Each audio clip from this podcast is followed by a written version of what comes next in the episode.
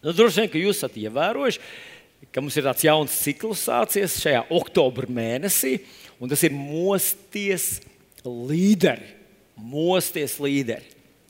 Manā tajā reliģiskajā vai teoloģiskajā terminoloģijā šis vārdiņš līderis ir tā tāds jauns. Un, un drusku neierasts tāds sajūta, ka kā gribas apstāties un padomāt, pagaidi, kādā sakarā. Līderis ir skrējienā, braucienā, nu es nezinu, kur vēl pārdošanā ir līderis. Bet uh, kādā sakarā mēs runājam par to dievu namā un dievu draugā. Un tieši tas ir tas, man liekas, tas noderīgais, ka mums vajag katram apstāties, mazliet padomāt, ieklausīties, ko tad šis vārds nozīmē man, ko tas man grib pateikt. Un tiešām es ticu, ka Dievs kaut ko grib izdarīt ar mums visiem, sakot un lietojot, pamudinot mūs lietot šo vārdu līderis. Nu, bet varētu arī gadīties tā, ka klausoties šo te, nu, iepriekšējo dievkalpojumu un šo dievkalpojumu, varbūt kādam var rasties tāda sajūta, nu, kad, nu, kad nu, es jau, nu, ja es sevi salīdzinu ar tiem citiem, tad es izskatos ļoti labi. Ja, un iespējams, ka esmu pelnījis aplausu un uzslavu par to, kā es varonīgi, un drosmīgi un pašaizliecīgi jau esmu līderis. Nu, man jums jāizstāsta viens tāds līdzība, varbūt mazliet ar smaidu, bet manuprāt, viņi kaut ko mums arī saka, kā tas kādreiz var gadīties. Un man ir jāstāsta man, man ir jāstāsta stāsts par um, kādu skati. Kādā skapī dzīvoja koda. Un viņi nedzīvoja tur viena, viņi dzīvoja kopā ar savu dēlu. Un ko tad viņi tur darīja? Viņi, nu, protams, ko kodas skapī dara, ēda kādas sievietes kažoku. Nu, visdrīzāk, jā. Uh, sievietes kažoks, es domāju, tas bija. Nu, tā tad uh, kārtējo reizi pēc pusdienām, kad viņas kārtīgi paēda, gan koda, gan viņas dēls. Uh, un, un koža mamma jau taisās uz dienas vidu pagulēt. Dēliņš viņai saka, māmiņ, māmiņ, atļauj man izlidot mazliet pēc pusdienām, palidot pa istabu. Mama ļoti satraucās. Viņa teica, tu, tu tik, tik slikti lido, tevi nositīs un viss paliks viens. Un tad dēls teica, māmiņ, tu man tik slikti pazīsti. Vakar pēc pusdienām, kad tu aizgāji pagulēt dienas vidu, es izlidoju pa istabu Un tev vajadzēja redzēt, cik daudz aplausus es saņēmu. Nu, varbūt arī mums tā kādreiz liekas, ka tas, ko dzirdam, ir aplauss par tavu varonību un pašaizliedzību. Bet varbūt mēs varam kaut ko darīt vēl. Un šis, manuprāt, ir tāds izaicinājums apstāties, izvērtēt, padomāt. Varbūt, ka tu vari būt vēl labāks. Tu dabū maksimālo no sevis ārā, kā, ko vien tu vari sasniegt ar tā kunga palīdzību. Un nu jau mēs zinām, kas ir līderis. Līderis ir cilvēks, kurš uzņemas atbildību. Nē, jā, met. Hop, redziet, kā mēs sastrādājamies. Tātad līderis ir cilvēks, kurš uzņemas atbildību. Nu, pieņemsim, tu esi atnācis uz prieku vēstu un ieraugi, zemē ir kaut kur nekārtība. Un tu varētu jau, fuj, tas tik netīrs, un tikai jāpiesargās. Un tu saki, es tur neko nevaru darīt. Bet varbūt kāds teiks, hei, es te kaut ko varu darīt. Un tu pienāc, noliecies un sakārto nekārtību.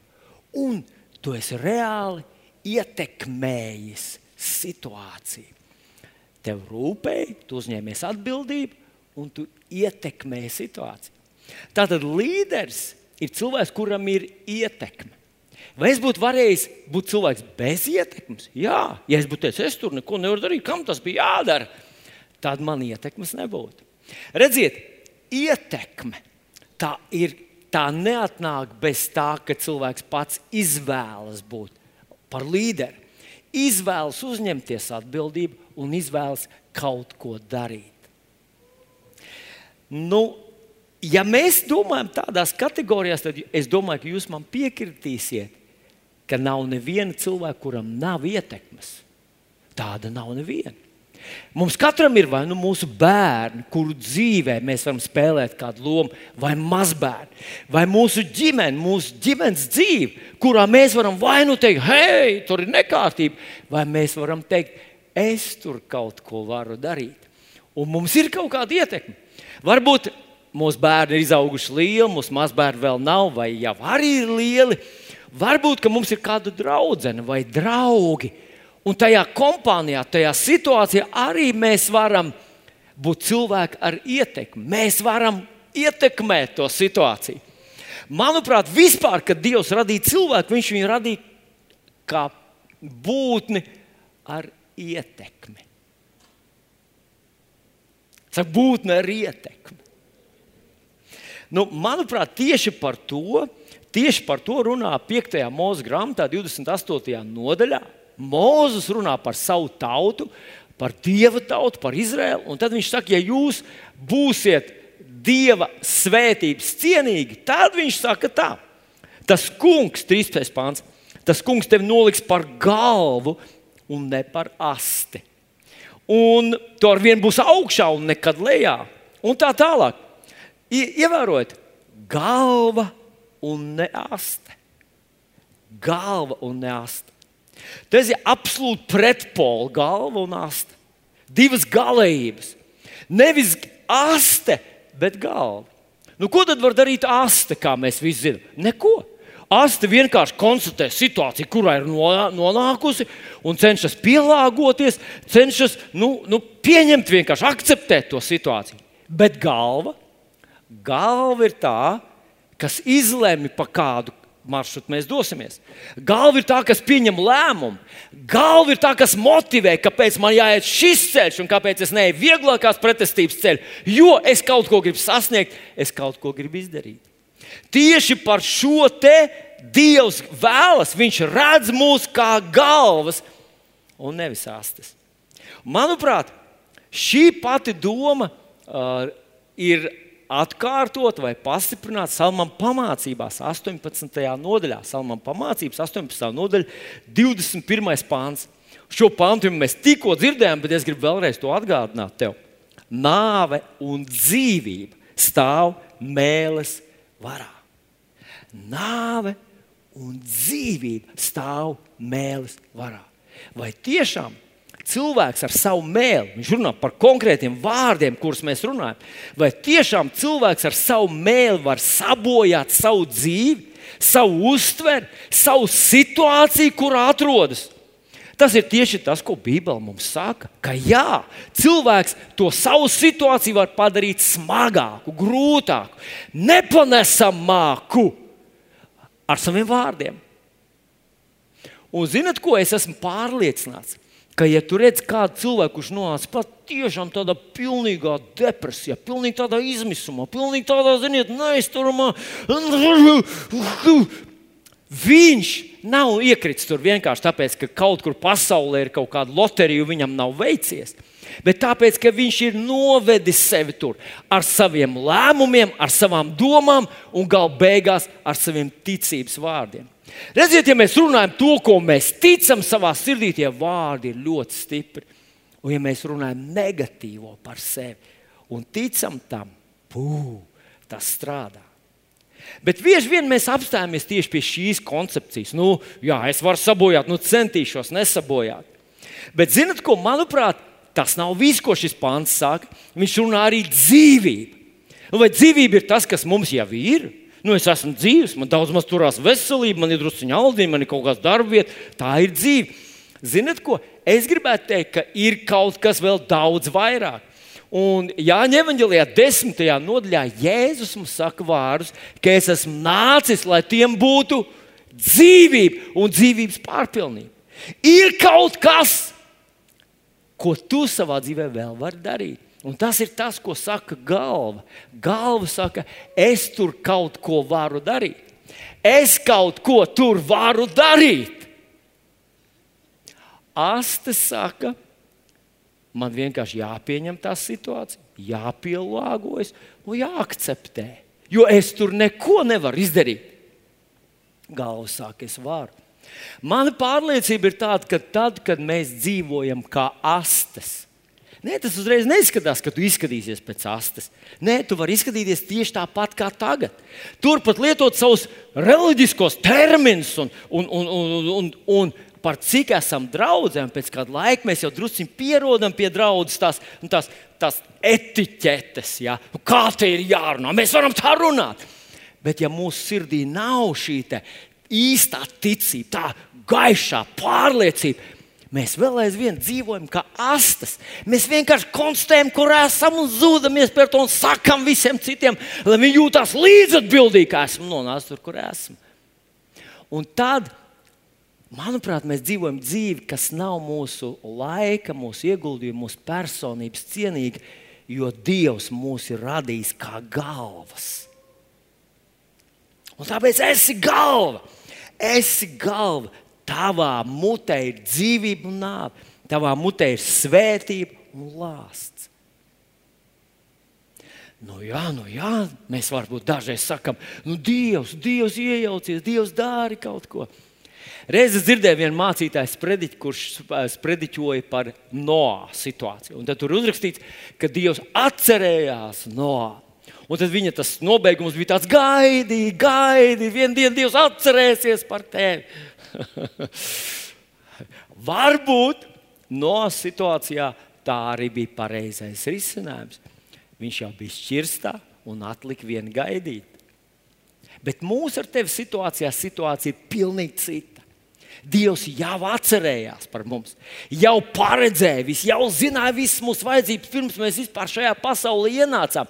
Viņš jau salīdzināja visus mūsu grēkus, pirms mēs bijām pirmo grēku izdarījuši. Mums vajadzēja tikai pieņemt šo viņa piedošanu.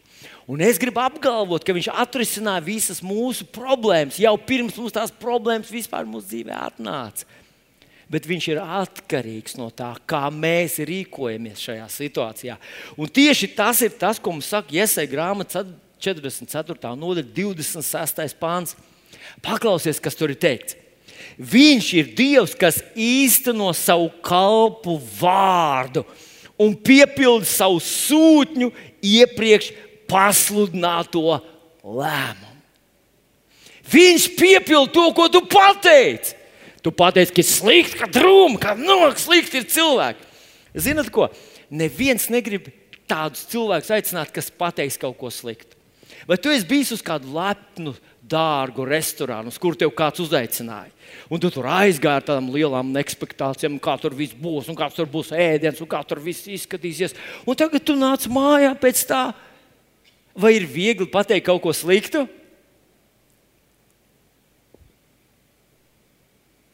Jā, tur nevajag nekādu galvu, lai pateiktu kaut ko sliktu. Uz lielākām kāzām, uz smalkāko pili, uz dārgāko restorānu. Tevi uzaicināt.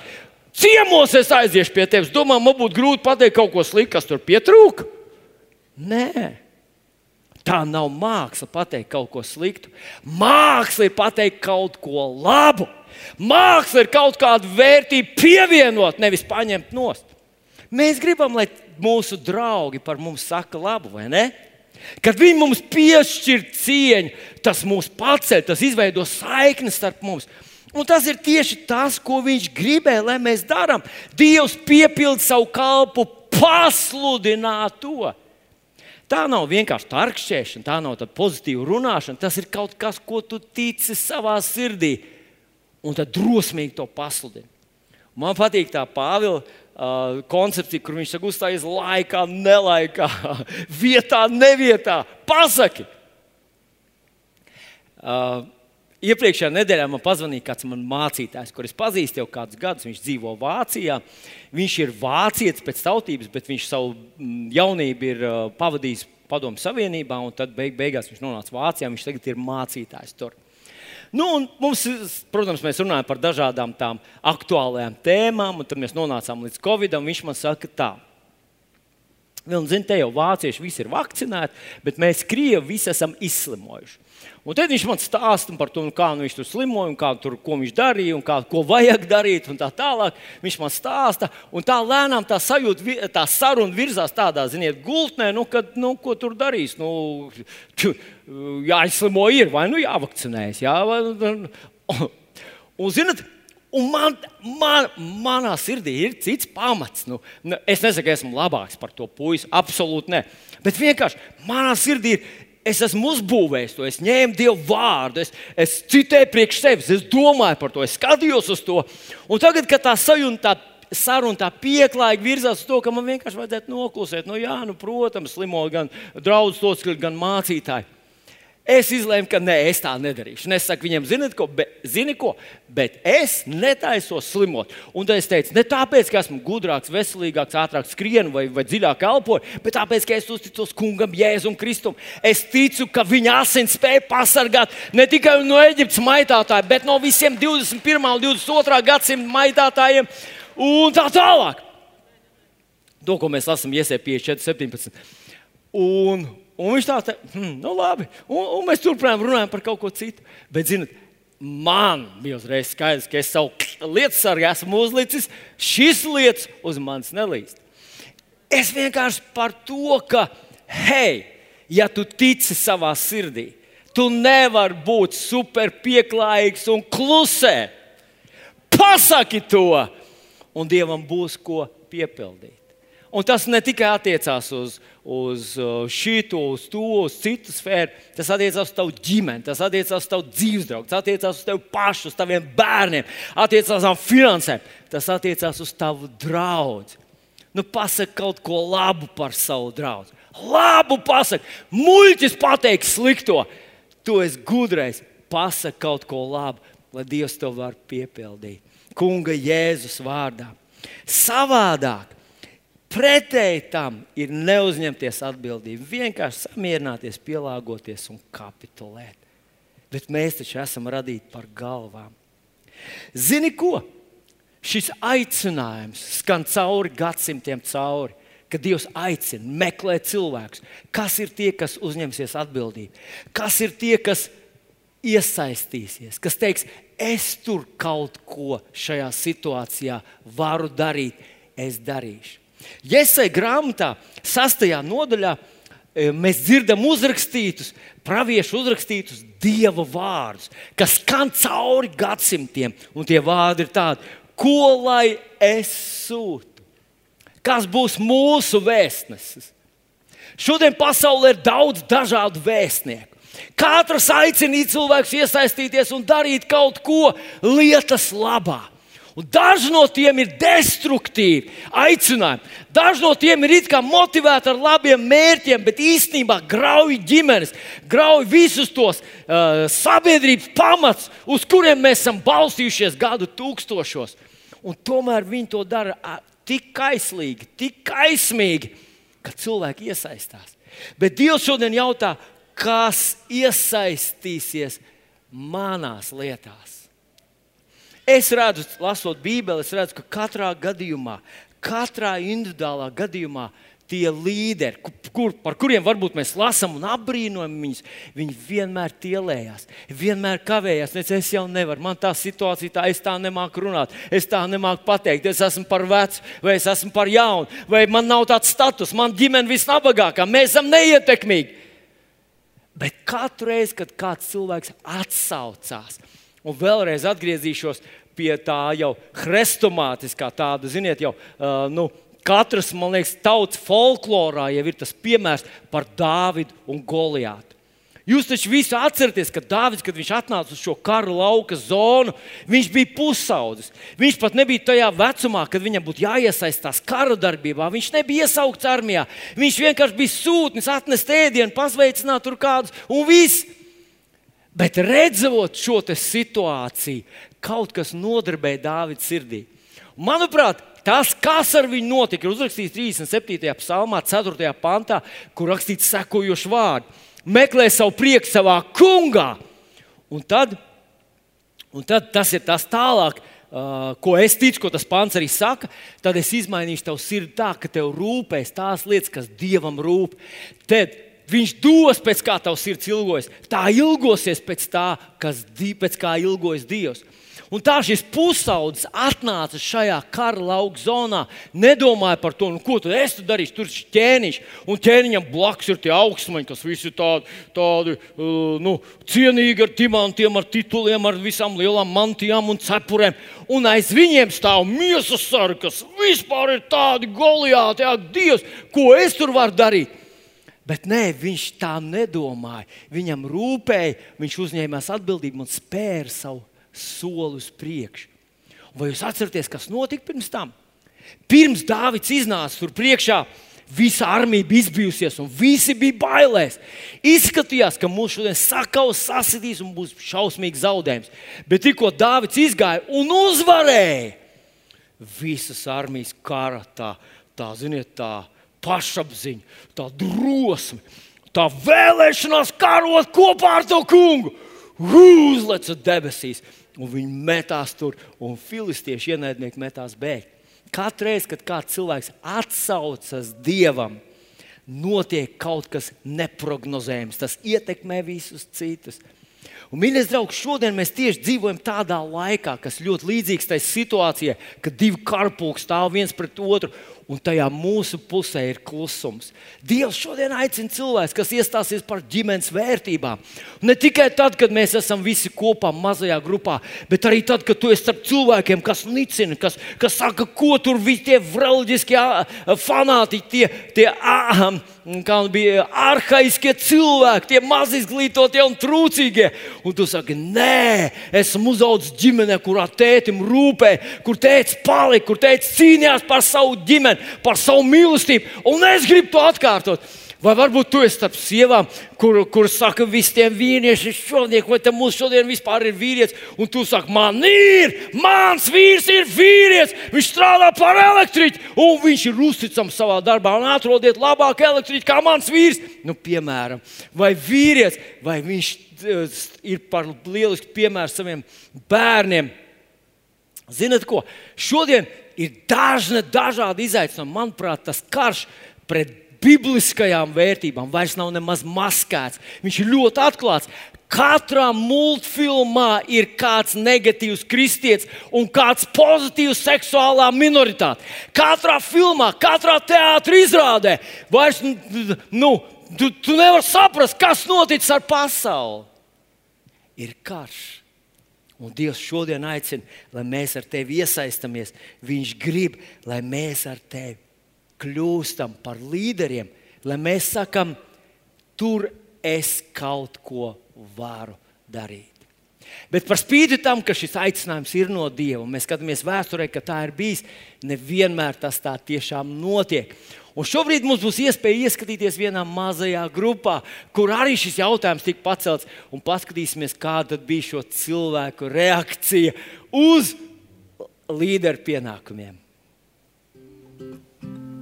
Mīļie, nākam kopā, kafijas pauzīt beidzās.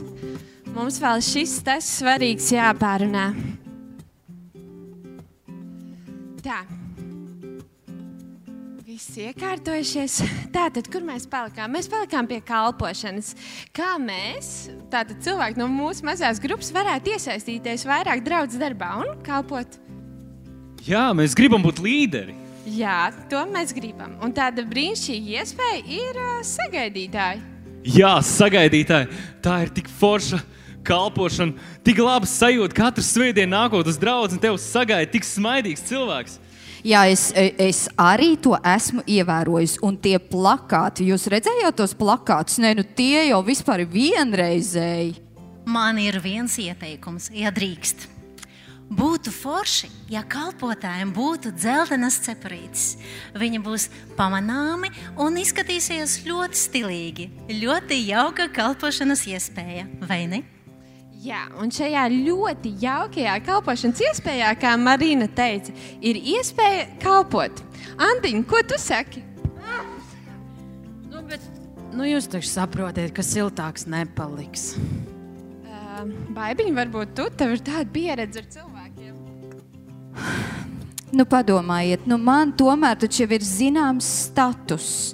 Nu, kā tas būs, ka es tur stāvu tā vienkārši ar plakātiem uz ielas? Nē, nu, Un, ja nu Nu, ja nu gadās tā, ka garām brauc kāds uh, pazīstams cilvēks, nu, tas kaut kā man liekas tā nenopietni. Oi, jūs nu gan ar saviem attaisnojumiem. Tas nekam neder. Un, ja kāds braukas garām, uzmaidiet ar jūsu viskaistāko un vislielāko smaidi un aiciniet iekšā. Es piesakos, piesaku Edgars. Es piesakos. Nē, nu, vispār man ir kāds uh, priekšlikums.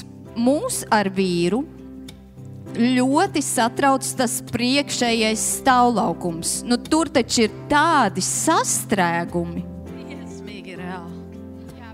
Nu, tu, tu iebrauc stāvvietā, bet, bet vietas jau nav. Viss jau ir aizņemts. Ja?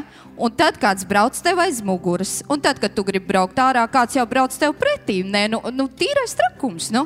Jā, baigiņ, tā vispār ir tiešām aktuāla problēma. Un iespējams, jūs ar vīru varētu uzņemties divas svētdienas mēnesī, kalpot tur un regulēt satiksmi.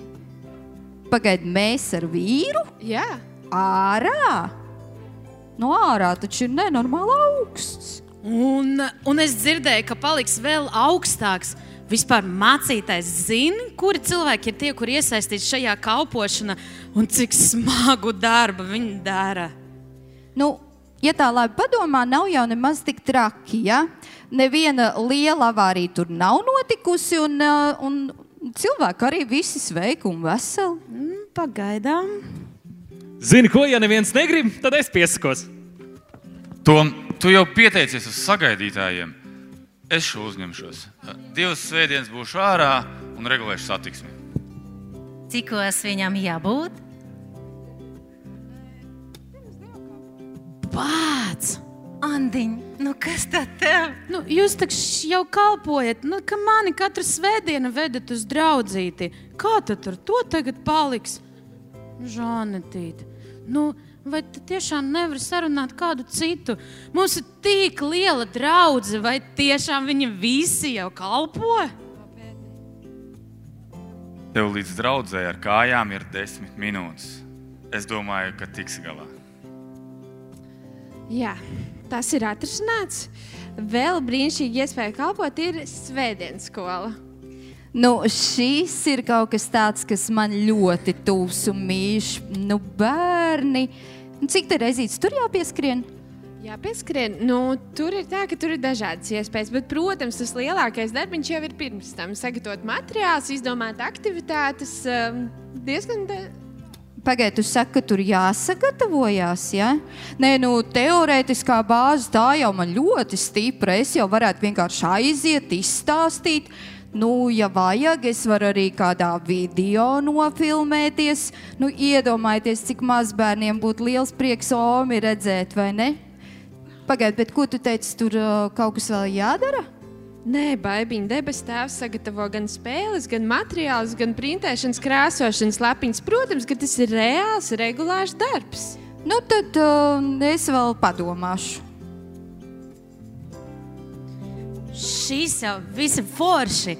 Bet es gaidu savu īsto kalpošanu, kur es varētu lietot visas savas dot, dievu dotas talantus. E, Protams, lai pagodinātu mūsu dievu. Jā, mēs katrs varam atrast iemeslus, kāpēc nekalpot. Kāds vienkārši nevēlas uzņemties atbildību, bet vienmēr ir čūpa ar ierosinājumiem. Kāds gaida īsto un vienīgo kalpošanu, kad varēs kalpot reiz tūkstošiem? Kāds? Kādam ir status, un tas traucē, un galu galā tas lielais darba apjoms. Bet kāds ierauga vajadzību, atnāk un lieto dieva dotās spējas jau tagad, un vienkārši kalpo.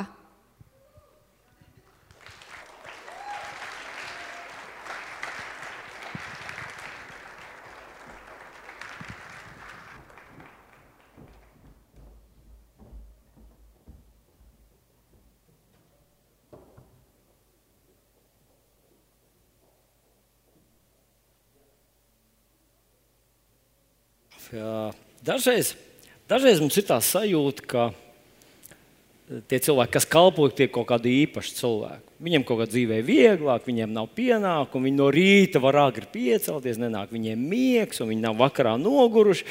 Nu, viņiem jau viss ir vieglāk laikam, jo kā viņi citādāk to varētu darīt. Bet es gribu jūs visus iedrošināt, ka tie ir tieši tādi paši cilvēki, kā mēs visi. Mums visiem ir ļoti daudz kā kopēji, ļoti daudz kā kopēji, vairāk nekā mēs varam iedomāties. Un, protams, protams, mēs druskuļi arī atšķiramies, bet pēc lielos vilcienos. Tad, kad mums visiem negribas, tas ir uzreiz visiem ir tā. Un tad, kad gribas, arī tur ir ļoti lielā mērā visiem. Bet ir cilvēki, kas iztur gan tos labos, gan sliktos laikus, un ir savā vietā, uzņemās un kalpo. Es šodien gribētu apgalvot, ka mēs kā draugi esam tikuši tik tālu, cik esam tikuši un izdarījuši to, ko esam izdarījuši. Tāpēc, ka kāds Dārvids, vai Maija, vai Inga, vai Edijs, vai Uldis, vai Ketija, vai Elīs, vai Jānis, vai Anna, vai, vai Līga, vai vēl kāds cits vārds, redzēja šo vajadzību. Teica, es tur kaut ko varu darīt, un spēra šo soli, uzņēmās atbildību un darīja. Nevienmēr perfekti, bet centās to izdarīt no visas sirds. Un tas ietekmē arī citus cilvēkus. Redziet, mēs jau pieminējām Dāvidu, kurš bija vīrs pēc Dieva sirds, un to viņš bija iegūmis savā personīgajās attiecībās ar Dievu. Un viņš tāds saglabāja savu sirdi visu savas dzīves garumā. Ziniet, nav tāds limits, ka tev 60, tad tu visu sēdi malā un skaties tikai, vai tev 70 vai 80. Īstenībā es gribētu teikt, ka mums vajadzētu, jo tālāk mēs ejam, jo vairāk apzināties to, ka iet, izdarīt lietas, kas ietekmēs mūsu mūžību, mēs varam tikai šeit un censties to darīt līdz galam. Šajā trešdienā, lūkšanās, no manas mutes iznāca tāda frāze, ka nevis gaidīt nāvi, bet teikt, nāvi pagaidi, man kaut kas vēl ir jāizdara, lai gaida nāvi. Mēs vēl gribam kalpot. Un es iedrošinu tevi, mīļais draugs, arī tad, ja tavos matos jau ir sirmi pavadieni. Padomā, vai nav tā, ka tu vēl kaut ko vari darīt? Bet Dārvids tātad uzrunājot savu dēlu, pirmā laika grāmatā, 28. nodaļā, 20. pantā, saka vārdus, kurus mēs varētu attiecināt uz katru kalpotāju.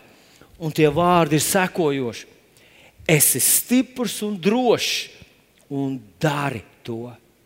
Nebīsties un nebaidojies, jo Dievs, tas kungs, mans Dievs, būs ar tevi. Viņš tevi nepametīs, viņš tevi neatstās, kamēr tu nebūsi pabeidzis visus tā kunga nama celšanas darbus.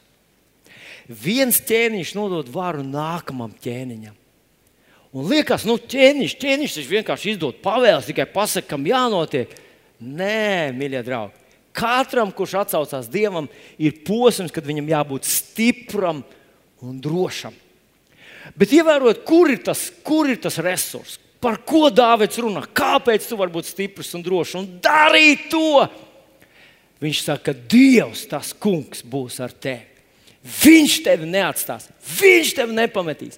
Būs grūti, būs sarežģīti, būs brīži, kad liekas, vieglāk ir uzdot, padoties un vienkārši dzīvot kā visi kā agrāk. Bet, ja tu nepadosies, Dievs tevi atbalstīs. Šo pantu mēs saņēmām kā draugu, un es saņēmu personīgi kā mācītājs arī, kad mēs sākām celt to mm, namu pagarinājumu. Kad vajadzēja no, nojaukt veco māju un uzbūvēt jaunu, kas bija nu, izskatījās ļoti drosmīgs solis, un neteikt vairāk pārdrošs solis. Bet šis pāns, esi stiprs un drošs nozīmē, ka nebūs viegli, bet tu to izdarīsi.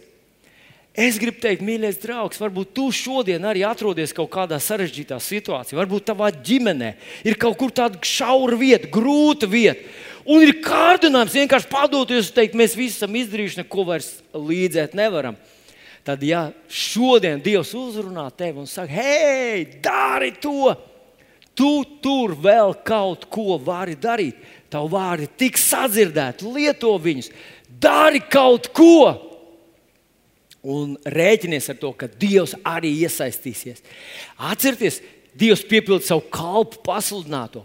Es to savā dzīvē biju manījis kā dēls, kad tēvs kaut ko teica. Un tajā mirklī likās, no, jā, jā, viņš jau vienmēr tā saka, tā jau viņš saka.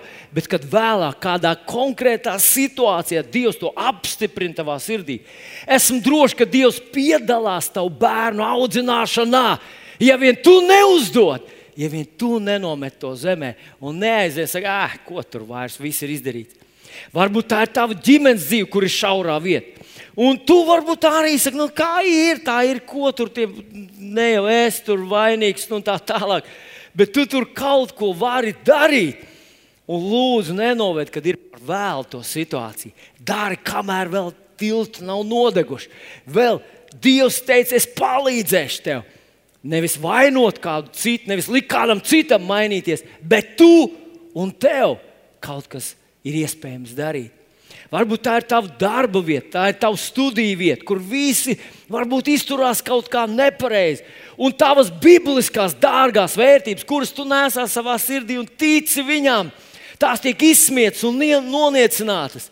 Vai tu vari iedomāties, kāds efekts būs, ja tu spēr soli uz, priekšu un teiksi, nē, bet es ticu, es esmu pārbaudījis, es esmu redzējis, ka ir pareizāk rīkoties tā. Mani vecāki ir pierādījuši, mans tēvs, mana mamma, es zinu kādu cilvēku, es zinu kādu mācītāju.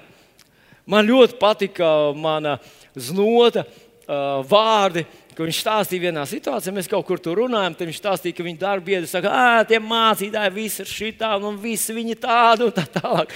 Un tad viņš saka, ne mans, ne mans mācītājs. Un zinat ko? Nu, protams, ka viņš nezina visu par mani. Vienīgi Dievs zina visu. Un ir kaut kādas lietas, ko es negribētu, lai viņš uzzina par mani. Un tomēr šī pozīcija, šī labvēlīgā, šī atbalsta un ticības pozīcija mani tā stiprina. Un tā stiprinātu katru ģimeni, katru bērnu, kad viņš dzird, ka viņa vecāki runā ticības un, un mīlestības pilnas vārdus. Tas stiprina draugu, kad mēs runājam kaut ko labu par viņu un par cilvēkiem, kas mums ir apkārt. Mīļie draugi, esi stiprs un drošs un dari to, jo Dievs iesaistīsies tavā situācijā un palīdzēs tev tavā skolā, tavā studiju vietā, visur, kur vien tu būsi. Un es nobeigšu šodien ar pēdējo rakstvietiņu, tā iesaistīta grāmatā, 54. nodaļā, 2 un 3 pāns. Šis ir Dieva dots mandāts mums, kā draudzēji, un tev tieši tev personīgi un konkrēti. Un tur rakstīts, paplašina savu telts vietu, izplet jo plaši savus telts pārsegu, pagarina savus telts virves un nostiprina spēcīgi savus telts mietas un stābus. Tātad uzņemies lielāku atbildību. Varbūt šobrīd tu jau esi uzņēmies lielu atbildību. Un tev šķiet, ka jā, tas ir tas, ko tu dari, kā Dieva bērns. Tu jau skaties plašāk nekā tu un tikai tu. Un tomēr šodien ir izaicinājums no tā kunga. Tāds kluss, maigs izaicinājums. Kas būs mans vēstnes? Kas uzņemsies manas lietas? Vai tu dzirdi viņa jautājumu savā sirdī? Vai tu kaut ko vari darīt? Nē, viņš īstenībā saka, ka tu vari kaut ko, arī tu kaut ko šeit vari darīt. Un tad ir apsolījums, trešais pāns, jo tu izplatīsies pa labi un pa kreisi. Mīļais brāl un māsa, mīļais mans dārgais ticības cīņu biedri. Es zinu, ir grūtas dienas. Es zinu, daudz ir tādu pelēku, vienmuļu dienu, kad liekas, ka nu, kur ir tas dieva spēks? Bet viņš ir. Viņš ir. Viņš īstenībā, tad, kad mēs ar tevi dodamies gulēt, viņš neiet gulēt, viņš neatslāps, viņš neatdod teritorijas. Dievs ir ar mums tik tālu, cik mēs esam ar viņu kopā. Viņš mums apsolīja, tu izplatīsies kā kristietis, kā persona, kas ietekmē, kura pozitīvais iespējas, kura mīlestība un ticība ietekmē kaut kādu apgabalu. Tas izplatīsies. Un tālāk, ja mēs varētu palasīt tālāk, viņš runā par tautām, viņš runā par dēliem un meitām. Es ticu, ka tavā radu saimē vēl ir cilvēki, kuriem jātop glābtiem, kas vēl īsti nesaprot, nezina, nav viņiem tas pielicis. Kaut kā viņi nav ieraudzījuši to, par ko tu runā. Bet, ja es mēs nepadosimies, ja mēs teiksim, es tur vēl kaut ko varu darīt. Viņi vēl nav aizgājuši. Kad Dievs iesaistīsies līdz ar mums, un Viņš mums dāvās dēlus un meitas, Viņš mums dāvās glābtus cilvēkus. Viņš mums dāvās cilvēkus, kurus šodien mēs nepazīstam, vai varbūt pazīstam viņus kā tādus aktīvus pretiniekus. Varbūt viņi vienkārši grib pārbaudīt, cik patiesi Kristus līderi mēs esam. Un tāpēc šajā rītā es uz, uzrunāju tevi. Tu esi tas cilvēks, kuram ir ietekme. Vai tu to pielietos, vai, tu, vai tev tas gan rūp, un tu spēr šo soli, lai izdarītu to, ko Dievs grib, lai tu tur, tai savā burbulī, kurā tu dzīvo, lai tu to izdari. Lūdzu, atsaucies! Lūdzu, atsaucies! Lūdzu, atsaucies! Lūdzu, atsaucies! Ziniet, kāds tas ir?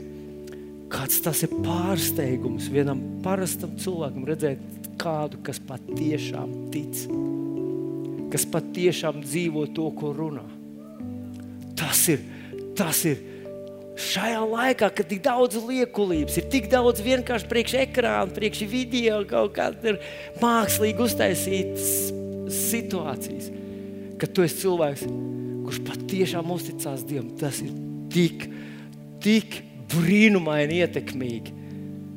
Cilvēki ir cienīgi ar to sastapties un piedzīvot. Mosties, līderi! Mosties, draugs, līderi. Mosties, tu dzirdi viņa aicinājumu tavā sirdī.